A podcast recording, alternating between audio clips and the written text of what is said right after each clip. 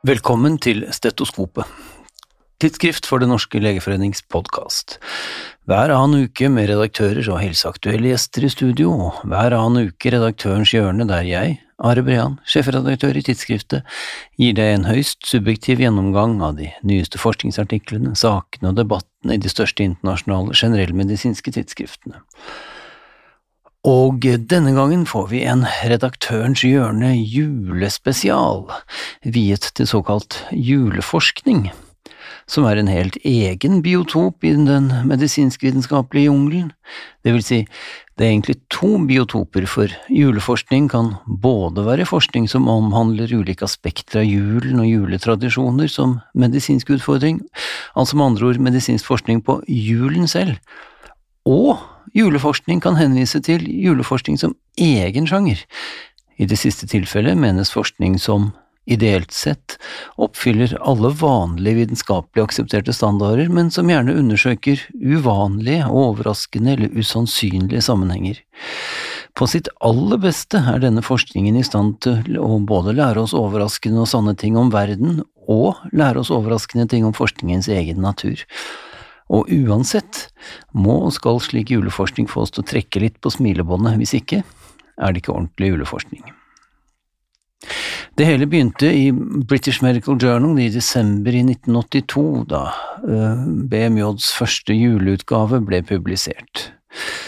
Og siden har denne årlige foreteelsen vært selve gullstandarden både for hva juleforskning er, og for hvordan den skal utføres og presenteres og etter hvert har også andre vitenskapelige tidsskrifter kommet med en og annen julete artikkel ved desemberleite, men BMJs juleutgave er og forblir selve stjerna i toppen av juleforskningstreet, for å si det slik.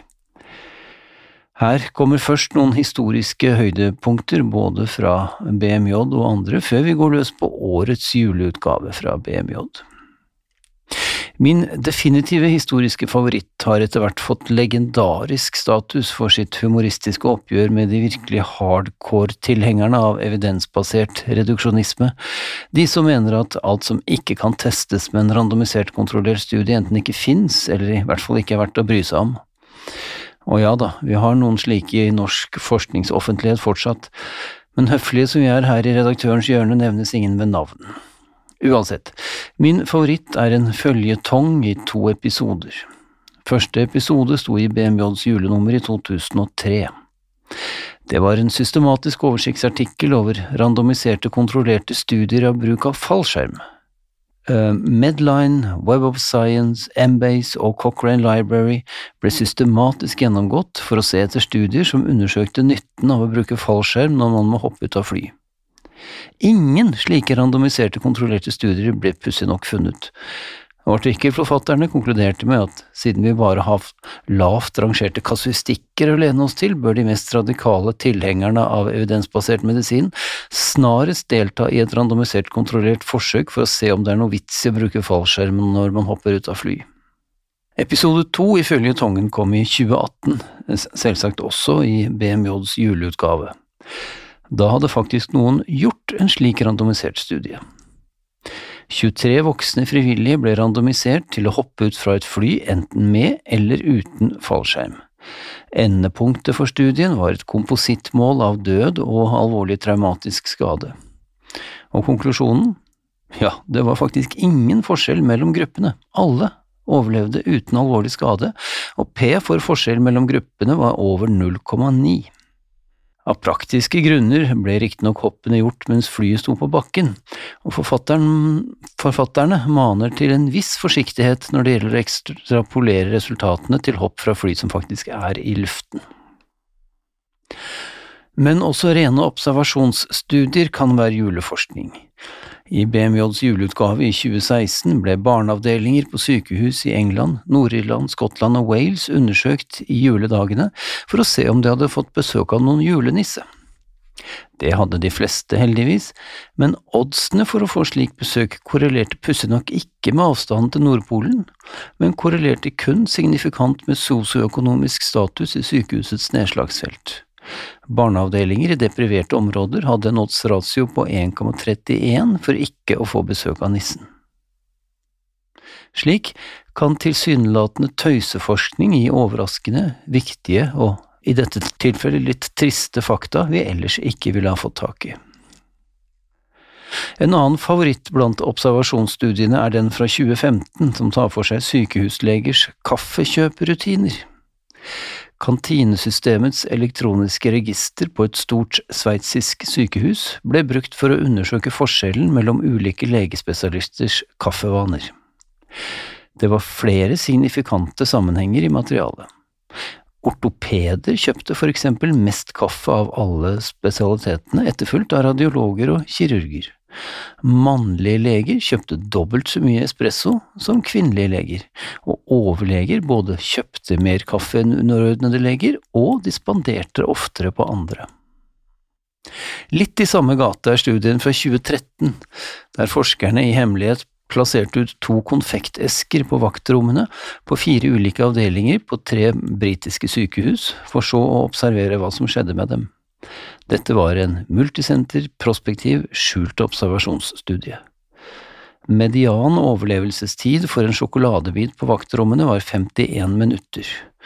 Mediantid fra utplassering til esken ble åpnet var 12 minutter, og sykepleierne spiste nesten dobbelt så mange sjokoladebiter som legene gjorde i denne studien.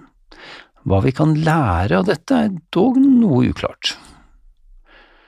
Det er i det hele tatt mye forskning på leger og sykehuspersonale i disse juleartiklene. En meget elegant designet multisenter prospektiv komparativ studie fra 2011 undersøkte for eksempel myten om at ortopeder skal være sterke som okser, men bare halvparten så intelligente, en myte jeg tror vi har hørt de fleste av oss. I denne studien ble gripestyrke og IQ hos 36 anestesileger og 40 ortopeder målt, og konklusjonen var at ortopedene ikke bare er sterkere enn anestesiologer, de er faktisk også signifikant mer intelligente. Ut fra dette må vi finne andre ting å erte ortopedene for enn manglende intelligens, er forfatternes konklusjon. Men også i vårt eget tidsskrift har vi hatt vår andel av juleforskning og julerelaterte artikler. Den mest kjente ble parallellpublisert i BMJ og i tidsskriftet, og vant faktisk Ig Nobelprisen påfølgende år. Det var nemlig Hogne Sandvik og Anders Bærheims randomisert kontrollerte studie av hvitløk og vampyrer fra 1994. I mangel av vampyrer ble blodigler benyttet, og det viste seg at hender innsmurt med hvitløk faktisk ble foretrukket av blodiglene i to av tre tilfeller fremfor hender uten hvitløk. Skulle du møte på en vampyr, vil altså høyst sannsynlig ikke hvitløk hjelpe, stikk i strid med de gamle råd. Høyst lesverdig er også Andreas Ausgulen Westin og Pål Skjetnes artikkel fra 2016 om julenissen som global helsetrussel, samt kasustikken fra 2015 om en forglemmelig øh, julehandel med ledsagende diffusjonsvektet MR-bilde, for å nevne noe. Men nå, altså, til årets juleutgave fra BMJ. Aller først en advarsel. Ingen av årets artikler ser så langt ut, i hvert fall ut fra min vurdering, til å kunne gå inn i historiebøkene som en av de virkelige klassikerne, men litt av hvert å humre av er det dog. Aller først til en intervensjonsstudie som ble designet for å se om fysisk aktivitet hos inaktive voksne kan induseres ved å tilby et aktivitetsprogram med juletema. 107 inaktive voksne ble rekruttert til studien og ble randomisert til enten å motta en brosjyre om betydningen av fysisk aktivitet, eller å motta en daglig e-post med dagens juleaktivitet, nesten som en slags julekalender, eh, der de kunne velge mellom tre aktiviteter, enten lite intens, kalt Easy Elf, moderat intens, kalt Moderate Mrs. Klaus, eller høyintensiv, kalt Strenus Santa. Akselerometeret på deltakerne ble benyttet for å måle den resulterende faktiske fysiske aktiviteten, og intervensjonsgruppen i denne studien var signifikant mer aktiv gjennom juletiden. Frem for en aktiv jul der, altså. Og over til en prospektiv, åpen, kjeksbasert komparativ studie.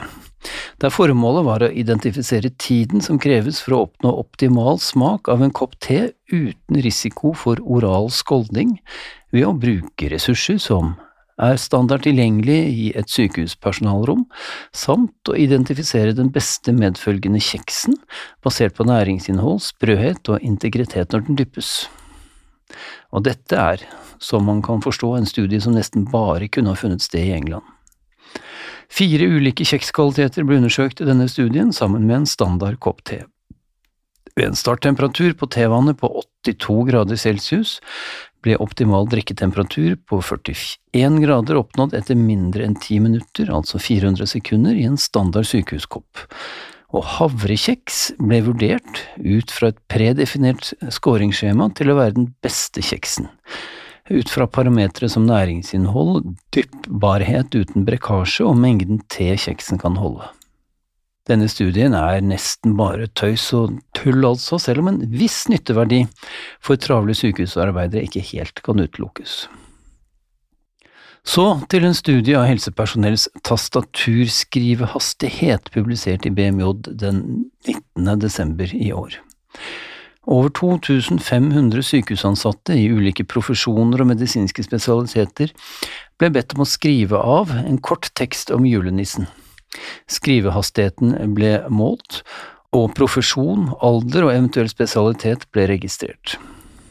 Blant legene var indremedisinere de raskeste, med en gjennomsnittlig skrivehastighet på nesten 64 ord per minutt og mikrobiologer og hudleger var de langsomste, med en gjennomsnittlig skrivehastighet ned mot 50 ord per minutt.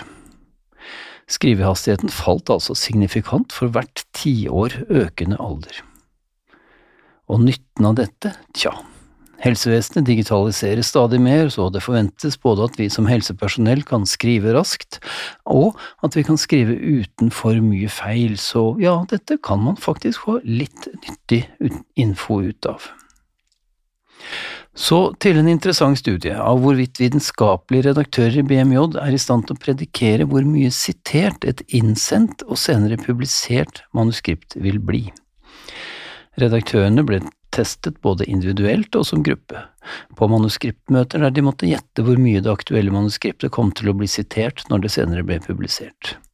Og det var de aldeles ikke særlig gode til. Både som gruppe og individuelt gjettet de oftere at en senere mye sitert artikkel kom til å bli lite sitert, og motsatt. Redaktører kan forhåpentlig en del om publisering, men særlig gode på å vite hva som slår an ute i den virkelige verden er de altså ikke. Og det er mye mer å lese i BMJs juleutgave i år, blant annet om spilljournalisten som forsøkte å overleve som klinisk arbeidende lege i spillet The Sims 4. Det gikk sånn passe, kan vi avsløre, og du kan også lese om hvordan EKG-bølger fremstilles i reklamer og logoer, bare for å nevne noe. Men glem nå endelig ikke vår eget tidsskrift i julen, der er det også mye bra å lese i juledagene. Hva det er får du ikke vite her, for det tidsskriftet har du allerede fått i postkassen eller i innboksen din. Ha en fortsatt gledelig jul, så høres vi til neste år.